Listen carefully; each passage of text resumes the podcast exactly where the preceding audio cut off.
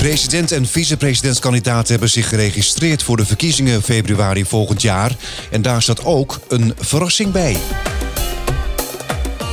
Welkom bij een nieuwe aflevering van Indonesië Podcast. En je weet het inmiddels voor het laatste nieuws over Indonesië kan je ook terecht op indonesienieuws.nl.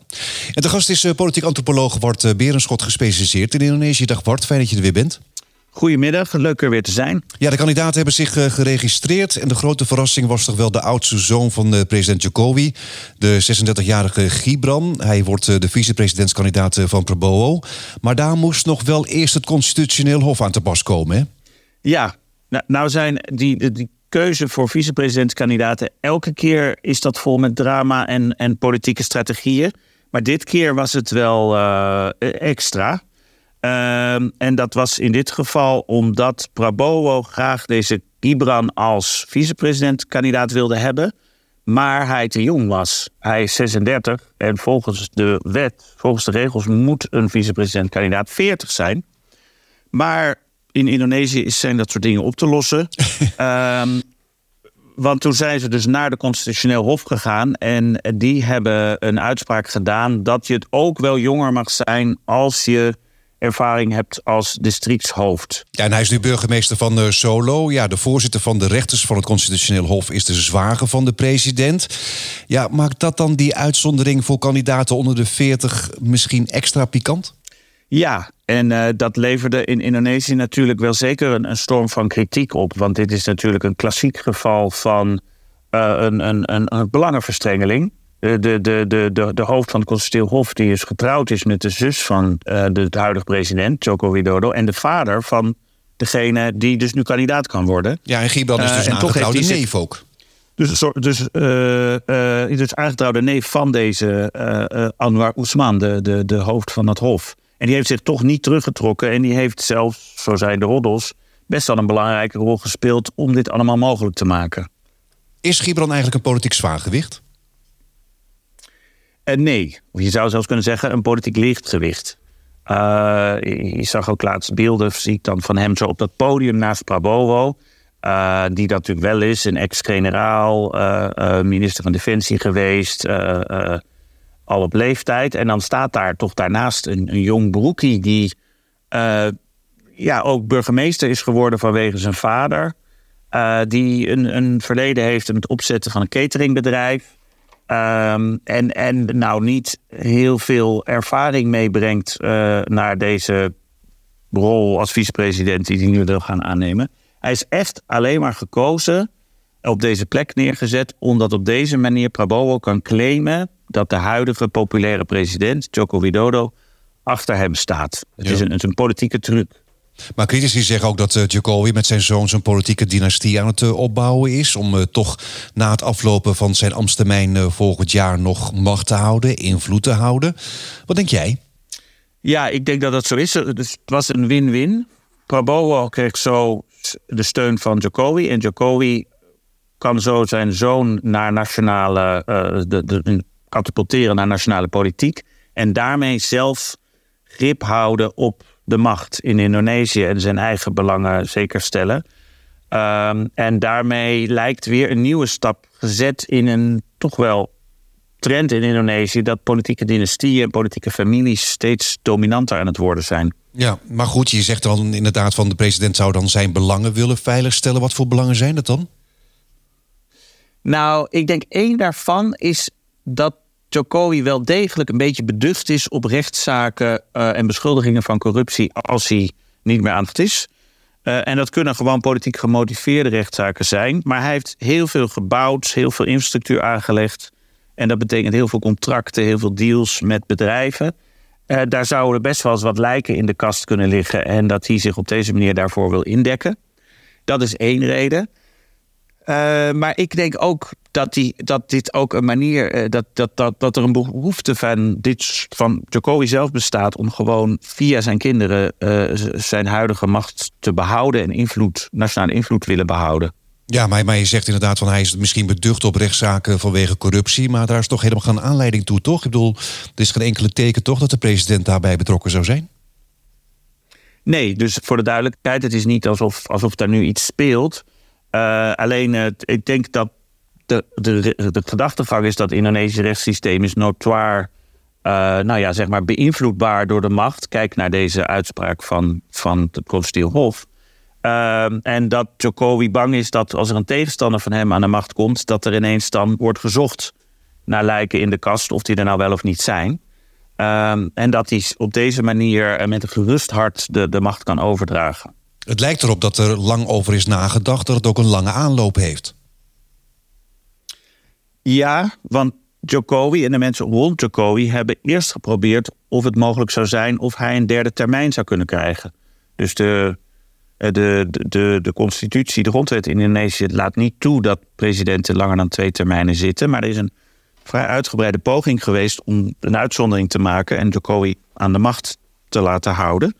Daar heeft uiteindelijk Megawati, eh, onder andere dus de baas van PDIP, de partij die hem officieel steunt, hebben gezegd: nee, dat gaan we niet doen. Want ik las zelfs ook in de Jakarta Post dat, dat het, het verlengen van het derde termijn ook mogelijk bij de president zelf vandaan komt. Ja, en dat is natuurlijk een beetje onduidelijk, want hij heeft publiek in de krant altijd gezegd: nee, nee, dat zijn andere mensen die dat willen, dat ga ik niet doen. Maar er komen toch wel signalen dat uh, Jokowi ook wel zelf open daarvoor stond voor een derde termijn, wat dus niet grondwettelijk zou zijn. Maar is weer een signaal dat Jokowi eigenlijk in de tien jaar dat hij nu aan de macht is, verschoven is van iemand die werd gezien als een, als een wat naïef, idealistisch iemand, naar een, een wel degelijk strategisch machtspoliticus die allerlei spelletjes dus aan het spelen is om uh, macht te behouden als deze tweede termijn erop zit. Ja, nou daar gaan we zo meteen nog uh, verder over praten. Maar ja, je kan er inderdaad negatief naar kijken om mogelijke rechtszaken misschien uh, te ontlopen, om dan toch macht te houden. Maar je kunt er ook positief naar kijken. Er is veel geïnvesteerd in de infrastructuur de afgelopen jaren. Indonesië wil in 2045 bij de rijkste economie behoren. Misschien wil die gewoon zeker weten dat het ook gaat lukken. Ja, en hij wil misschien zeker weten dat de dingen waar hij trots op is, die hij, waar hij in vindt dat hij in geslaagd is, dat die ook doorgaan. En het belangrijkste daarvan is de nieuwe hoofdstad, eh, IKN, de Nusantara. Kota Nusantara. Uh, die, uh, daar is nu al heel veel geld naartoe. Daar, daar, daar, daar wordt gebouwd. En daar, daar schijnen volgend jaar al de eerste uh, ministeries naartoe te gaan. Hij is bang, denk ik, dat als andere kandidaten gekozen worden, dat die een streep door dit plan trekken. En dat is toch wel een beetje zijn erfenis waar hij trots op is. Uh, en daar zit misschien ook een motivatie om uh, op deze manier zijn zoon naar voren te schuiven. Maar het is misschien ook een beetje gek dat hij de kandidaat van zijn eigen partij, de PDIP, niet steunt, hè, Kanja Pronovo. Ja, en hier zit een heel interessant politiek achter de schermen gebeuren uh, dat wel interessant is om even te bespreken.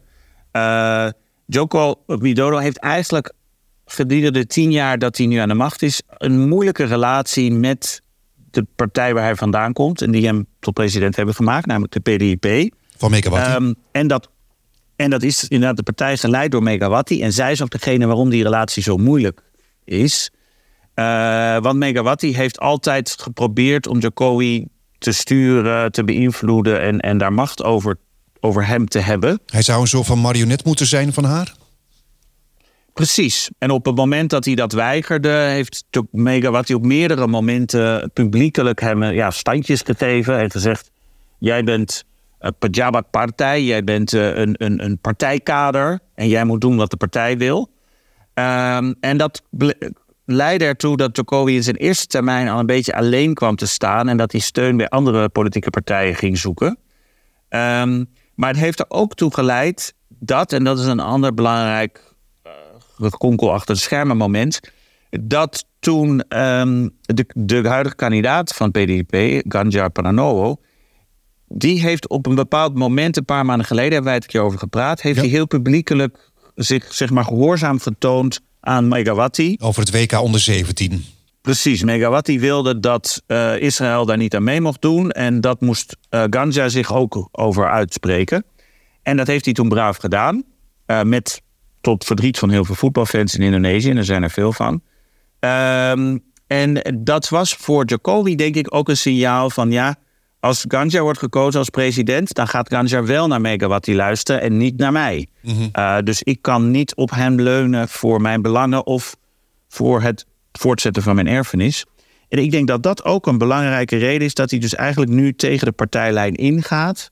Uh, en deze soort van toch wel verbond met uh, Prabowo Subianto heeft gesloten door goed te keuren dat zijn zoon daar vicepresidentskandidaat wordt. Want Prabowo vertrouwt hij dan wel? Nou, da daar lijkt het dus wel op. En dat is eigenlijk gek, want ze hebben natuurlijk al twee verkiezingen lang was Prabowo de grote tegenstander en hebben ze tegen elkaar uh, gestreden. Uh, maar toen ontstond er na vijf jaar geleden eigenlijk, je kunt kunnen zeggen voor veel kiezers, een teleurstellend moment dat ze hadden allemaal campagne gevoerd tegen Prabowo. En een paar maanden na de verkiezingen vroeg Jokowi Prabowo om minister van uh, Defensie te worden in, in zijn kabinet. En sindsdien zijn die twee wel een beetje naar elkaar gegroeid. Um, en heeft Prabowo, denk ik, een heel strategisch bedacht. Wil ik die verkiezingen winnen, dan moet ik alles doen om Jokowi achter mij te krijgen. Want Jokowi is gewoon ontzettend populair. Uh, en heeft, heeft heel veel vertrouwen. En wordt daarom gezien als een soort kingmaker. Dat de kandidaat die hij steunt, uh, gaat, die krijgt daar een enorme boost qua stemmen van. Uh, en ik denk dat Prabowo daarom allerlei signalen aan Jokowi heeft gegeven dat ik ben jouw kandidaat, ik zal er voor jou zijn na de verkiezingen. De PDP zegt uh, volgens de Jakarta Post: uh, Jokowi heeft ons verlaten. Is uh, de relatie met partijleider Megawati nu slechter dan nooit? nou, dit, dit zal wel voelen als verraad ja, voor, voor Megawati. En ik, ik, denk dat jo Joko Widodo het zelf nog wel zou ontkennen en, en, en zich nog wel in naam misschien nog wel zou zeggen dat hij loyaal is aan PDP. Maar hier zitten wel een grote breuk. En ik zie ook nu in de kranten zie allerlei berichten dat de, de, de, de campagneteams van uh, Jokowi, dus die had zeg maar eigen groepen vrijwilligers die voor hem altijd campagne voeren, die niet per se gelieerd waren aan PDP. Die groepen zijn nu allemaal geshift in een loyaliteit naar uh, Prabowo. Gaan voor Prabowo campagne voeren. Dus er is wel degelijk een breuk. Ja, je zei het al, Prabowo heeft waarschijnlijk voor uh, Gibran, de oudste zoon uh, van de president, gekozen om dan mee te liften nog op de populariteit van, van de huidige president. Maar aan de andere kant, er is wel verontwaardiging over de uitspraken van het constitutioneel hof. Hè? Doel, wat weegt zwaarder? Ja, nou ja, dat weet ik eigenlijk ook niet. En dat zullen we de komende weken moeten gaan zien in de peilingen.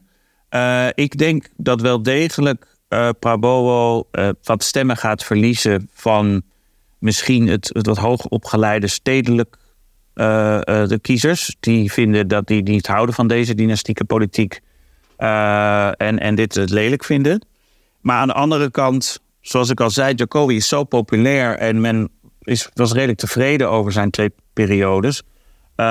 dat het ook goed kan zijn dat er tegelijkertijd stemmen zijn die juist van Ganjar naar Prabowo gaan bewegen, omdat ze zien dat Jokowi daarachter staat. Ja, want wat ik om me heen hoor van Indonesische vrienden, ja, die zeggen van ja, zo gaat het hier. Ja, en dat is treurig maar waar. Uh, ik denk dat er ook steeds grotere tolerantie komt voor deze dynastieke politiek. Dus, dus het naar voren schuiven van je kinderen als je zelf niet meer aan de macht kan zijn. Uh, dat was, ik denk, wat was acht jaar geleden nog, was er een wet overwogen om dat op lokaal niveau te verbieden. Die is toen gesneuveld in hetzelfde constitutioneel hof. En nu zie je zowel op lokaal niveau als op nationaal niveau dat er eigenlijk politieke leiders dit, dit een, een, een, meer geaccepteerde strategie uh, wordt. Dus de vorige president Yudhoyono heeft nu zijn zoon, hoofd, de baas van de politieke partij Democrat Party. Megawati probeert haar dochter naar voren te schuiven. En nu uh, Jokowi die zoiets doet. Uh, ik denk dat met deze zet dat dynastieke politiek een, een veel gewoner en algemeen onderdeel van de Indonesische democratie gaat worden. Ja, nu staat Prabowo al uh, licht voor in de peilingen, ook al een tijdje, ook voordat Gibran werd gekozen tot zijn running mate. Hoe komt dat, denk je? Want het is toch een beetje, ja, hij is 73. Ja, nou, ik moet zeggen, ik was dus deze zomer in Indonesië en ik heb daarover flink rondgevraagd, want van als een buitenstaander denk je, wat is er eigenlijk aantrekkelijk aan deze man? het, is, het is 73, hij ziet er een beetje uit als, als je vriendelijke oom op een feestje. en hij, men heeft al, al in totaal vijf, drie presidentiële campagnes en ze ook wel als vicepresident is hij kandidaat geweest. Dus je zou zeggen, goh, we zijn een beetje verveeld met hem. We hebben hem al vaak genoeg gezien. Ja, daar is hij weer. Hij was ook nog de schoonzoon van Suharto. Hij was generaal. Hij wordt in verband gebracht met de verdwijning van studenten in 1998. Ook uh, mensenrechten schendingen op Oost-Timor. Maar ja, die is hier allemaal nooit voor veroordeeld. Het lijkt er ook wel op dat iedereen dat is vergeten. En dat is ook iets dat, dat, dat, dat lijkt. Het lijkt bijna alsof, omdat hij al zoveel campagne heeft gevoerd, dat mensen voelen: Goh, we hebben het al zo vaak over die mensenrechten schendingen gehad en hoe erg dat was. Nu hebben we daar geen interesse meer in dat hij dat dus als het ware doorheen is gekomen. Uh, en er is opvallend ook dat hij daar in, in zijn social media strategie een heel nieuwe, zich nieuw positioneert vergeleken de vorige verkiezingen. Waar hij de vorige verkiezingen nog zich uh, presenteerde als een generaal die streng kon zijn en hard zou optreden voor beter bestuur. Is hij nu de, de vriendelijke oom die op Insta met allemaal filmpjes met katten uh, het, het, heel onschuldig huiselijk overkomt. En dat lijkt ook nog te werken, als, misschien als middel tegen die toch wel geschiedenis, zorgelijke geschiedenis van, van uh, betrokkenheid van dood van studenten, mensenrechten schendingen enzovoort. Ja, maar goed, die uh, vriendelijke oom, houdt hij dat uh, vol? Stel dat Prabowo president wordt, welke kant gaat het op? Ik bedoel, hij is natuurlijk ook groot geworden onder Suharto. Hij was zijn schoonzoon. Precies, en hij heeft toen Suharto met studentenopstanden te maken kreeg, heeft hij zijn best gedaan om de dictatuur te verdedigen. Hij was zeker niet degene die de, de huidige democratie mogelijk heeft gemaakt. Um, en daardoor zijn er, denk ik, legitieme zorgen over wat het zou betekenen voor Indonesische democratie als hij gekozen wordt. Ik denk niet dat Prabowo meteen de democratie gaat afschaffen of, of uh, een einde zal maken aan verkiezingen. Maar ik denk wel dat een trend van uitholling van de democratie in Indonesië, die al onder Jokowi is begonnen, uh, die verder voortgezet gaat worden. Ja, is de democratie al uitgehold de afgelopen jaren, vind jij? Ja, onder Jokowi zie je, er zijn een aantal zorgelijke dingen gebeurd. De, instituties zijn minder uh, onafhankelijk geworden. Dus, dus de, de benoemingen van belangrijke instellingen zoals de anticorruptiecommissie, uh, maar ook de, de verkiezingscommissie, uh, rechts, rechtbanken zoals de Constitutional Court zijn allemaal eigenlijk politiek ondergeschikt gemaakt. En tegelijkertijd zijn NGO's minder vrij geworden, hebben ze aan meer regels moeten doen. Er staat vrijheid van meningsuiting onder druk doordat activisten eh, eh, worden eh, beschuldigd, beschuldigd van van alles. En is er eigenlijk steeds meer een soort. De, de keerzijde van die, het soort pro-ontwikkelings, pro-economische groeibeleid. wat, wat heeft gevoerd. is dat daar milieu, arbeidsomstandigheden, mensenrechten. wat ondergeschikt aan zijn geraakt. En ik denk dat dat uh, zal, zich zal voortzetten als Prabowo wordt gekozen. Toch een beetje gek hè, dat het allemaal onder Jokowi is gebeurd. Hè? Hij werd destijds eh, binnengehaald als een soort van Obama. Onder hem zou alles uh, veranderen. Hij kwam natuurlijk ook uh, niet van de politieke elite. En dan toch dat die democratie dan is uitgehold. Ja, ja, ik denk dat wij allemaal, ook, ook, ook zeg maar de, de wetenschappers die dat, die politiek volgen, een beetje naïef zijn geweest uh, daarover. En niet goed hebben gezien dat er eigenlijk onder Jokowi's presidentschap een andere belangrijke trend zich voltrok.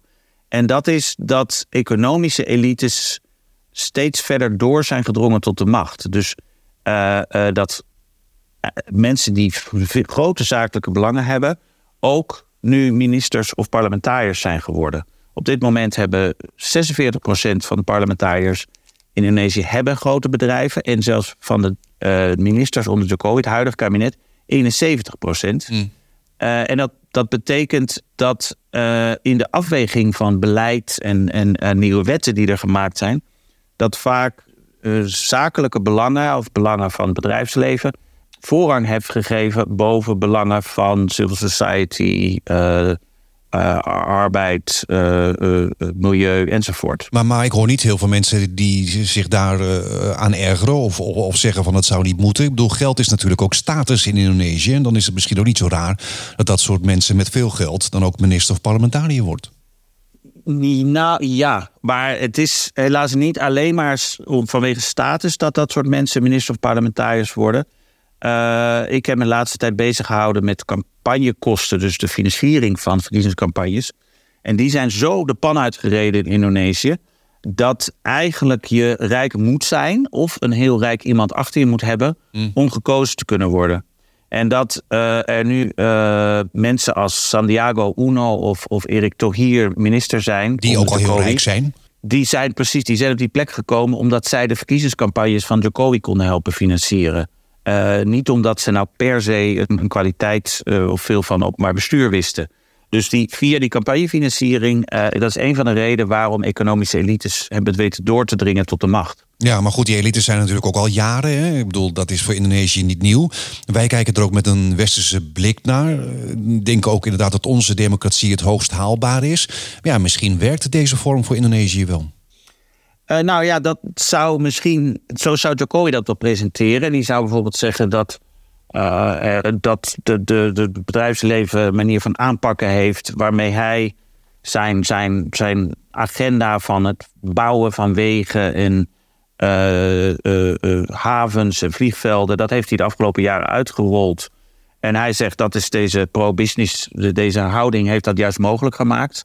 Ik, denk daar is natuurlijk wel degelijk een tegenbeweging toe. En het is heel interessant dat je nu demonstraties ziet die uh, het, het, op posters woorden oligarchie hebben, wat een heel beetje sociaal-wetenschappelijke term eh, is geworden. Maar het is nu een doorgedrongen in het publieke debat, omdat er toch wel een brede zorg nu echt is, die veel groter is dan eerder, van hé, hey, de macht ligt nu bij economische elites.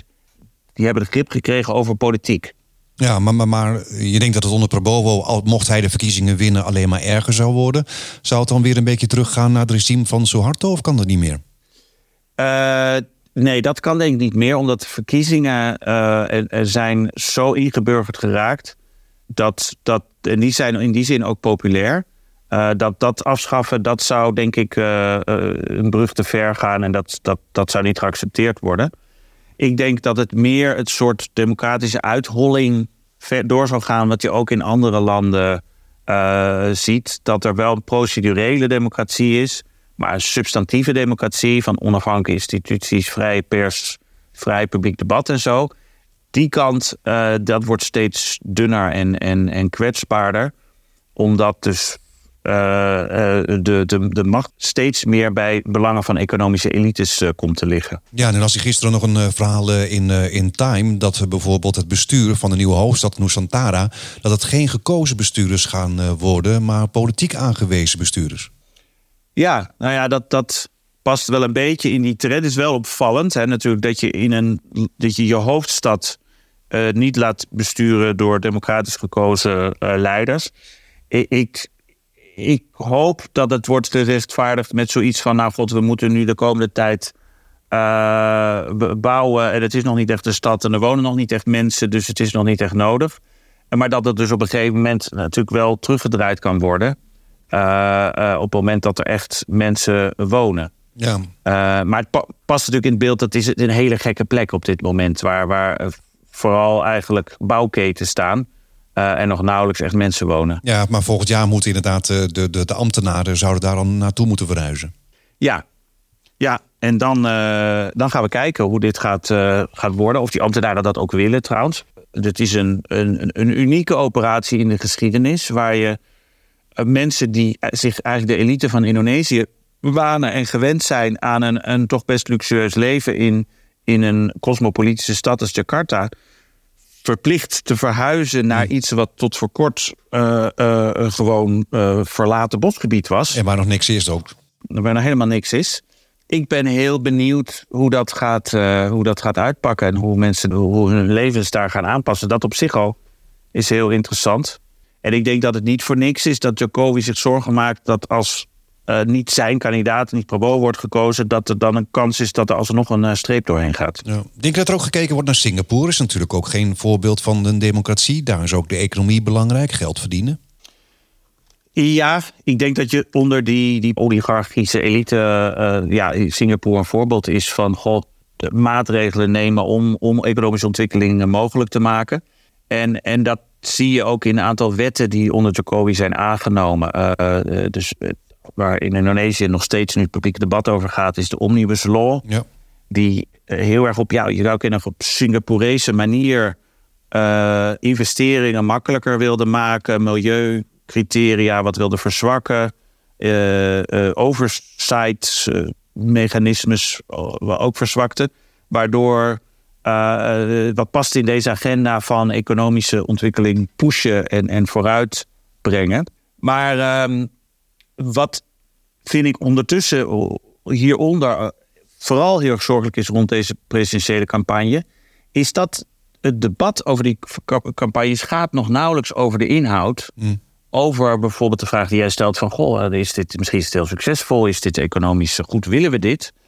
Zoiets als die omnibus law uh, en andere controversiële dingen van Jokowi's beleid... zijn nauwelijks, worden nauwelijks besproken. Uh, de problemen die Indonesië heeft op het gebied van onderwijs... of de diversificering van de economie, uh, daar gaat het allemaal niet over. Tot, tot dit moment is het eigenlijk alleen maar een debat geweest... wie gaat met wie, wie staat voor in de peilingen... Eh, een soort politieke soap. Maar dat was toch altijd zo geweest? Dat het om de poppetjes gaat in plaats van inderdaad, wat wil diegene nou eigenlijk? Het is elke verkiezingen is dit een, een issue. Wat ik deze verkiezingen iets, iets zorgelijker nog vind en, en, en um, saaier ook, zou je kunnen zeggen, is dat de, de twee sterkste kandidaten op dit moment, Kanjar en uh, Prabowo, eigenlijk uit, het, uit dezelfde kliek komen. Mm ze komen allebei uit, de, uh, hebben hun banden met de coalitie die Jokowi uh, heeft gesteund. Dus uit dezelfde cirkels. En ze willen allebei, hun campagneclaim is... wij zetten het beleid van Jokowi voort. Uh, wij zijn tevreden wat hij heeft gedaan, wij gaan dat uitrollen. Waardoor de keus van de kiezer eigenlijk is tussen twee dezelfde smaken. Twee kanten van de huidige heersende kliek. En daardoor is deze verkiezingen nog wat minder dan de vorige verkiezingen een, een, een, nauwelijks een moment voor accountability of voor het belonen of straffen van goed beleid. Het, het, het, het is een, uh, ja, een wat lege uh, presidentscampagne tot nu toe. Ja, misschien ook wel omdat uh, president Jokowi ook hoog in, in de approval ratings staat. Hè? Het is een tijdje boven de 80% geweest, maar in ieder geval zeker boven de 70%. Ja, ik denk dat dat een factor hierin is. En ook dat, dat er daarom nauwelijks debat misschien is over, goh, maar wat, wat gaat er nog niet goed of wat zou er beter moeten gaan? Uh, en dat heeft ook iets te maken, denk ik, met de media op dit moment in Indonesië. Die zijn dus grotendeels in bezit van die oligarchen die ook dominant zijn in de politiek. Als je nu de krant openslaat, je zou je kunnen afvragen: goh, waarom doet Indonesië het zo slecht op onderwijsgebied? Waarom blijft de Indonesische economie zo afhankelijk van uh, natuurlijke hulpbronnen? Waarom is er zo weinig industrialisering? Uh, is, is die omnibus law, eh, is dat nou wel zo gunstig voor het belang van de gewone Indonesiër? Heel weinig kritisch debat daarover. Ja, dat, dat houdt natuurlijk ook die populariteit in stand. Maar maakt wel dat, je, dat, dat deze presidentsverkiezingen dus niet een, een, een, een moment tot nu toe in ieder geval zijn om te markeren: goh, hoe gaat Indonesië de uitdagingen voor de komende tijd uh, het hoofd bieden? Nou, Megawati heeft uh, lang achter de schermen aan de touwtjes uh, getrokken. Je vertelde dat uh, eerder al. Ze probeerde ook president Joko Widodo als een soort van marionet te gebruiken. Um, wat zal het voor haar betekenen als Prabowo president wordt? Ja, nou, ze, ze, kent hem. Ze zijn samen wel ook kandidaat geweest. dus, dus er zitten vast wel warme banden tussen deze twee. Ik zei al, het is één grote kliek eigenlijk daar op dat, dat elite niveau. Tegelijkertijd is het natuurlijk wel degelijk, zou dat een, een klap zijn dat haar kandidaat, Kanja Pranowo, dan niet gekozen zou worden. En eigenlijk haar pogingen van de afgelopen tien jaar om grip op Jokowi te, krijgen, eigenlijk een averechts effect hebben gehad. En dat Jokowi soort van is, is, is overgelopen. Uh, is toch een beetje een, zeker de afgelopen tien jaar, een soort donkere schaduw over de democratie in Indonesië geweest, vind ik. In hoe zij heeft geopereerd als een soort, ze wilde een soort puppetmaster zijn die achter de schermen overal macht had en controle over Nou ja, had. dat was ze toch ook? En dat was ze eh, eigenlijk ook, maar daardoor heeft ze bijvoorbeeld eh Jokowi dus eh, verzwakt en gedwongen om een, een, een, een soort bredere steun te zoeken, maar ook om toe te stemmen met allerlei maatregelen die mensen om hem heen wilden. Ehm, zoals het verzwakken van die eh, anticorruptiecommissie die ik al noemde. eh, die tot, tot Jokowi enorm succesvol is geweest in het oppakken van vele corrupte politici. En toen heeft Jokowi moeten instemmen met eh, een nieuwe wet die, die eigenlijk de- die, deze KPK, deze commissie, onder politieke toezicht heeft ge- gesteld. Ehm, en zo zijn er een aantal andere dingen die ik denk dat zijn gebeurd doordat Jokowi zeker in eerste termijn relatief niet, niet sterk genoeg was. En afhankelijk was van allerlei eh, eh, eh, bondgenoten om hem heen. Dus ik vraag me af hoe dat was geweest als Megawati niet deze, deze zeer ambitieuze aspiraties had gehad om die, die puppetmasterrol te spelen. Dat was misschien helemaal anders gelopen. Ja, dan had Jokowi misschien een wat onafhankelijke koers kunnen voeren. Al moet ik zeggen, dat heeft hij nu wel. En hij is nu populair en hij is onafhankelijk. En dat, is, dat wil niet zeggen dat hij zich nu eh, ontpopt tot een groot democraat. Dat, dat bespraken we net al. Ja. Eh, dus eh, en we zullen het ook niet helemaal weten hoe dat anders was gelopen als, als, als Jokowi niet die moeilijke band met Megawati had gehad. Maar zou Megawati dan zometeen voor een groot deel haar macht kwijt zijn als uh, Prabowo president wordt?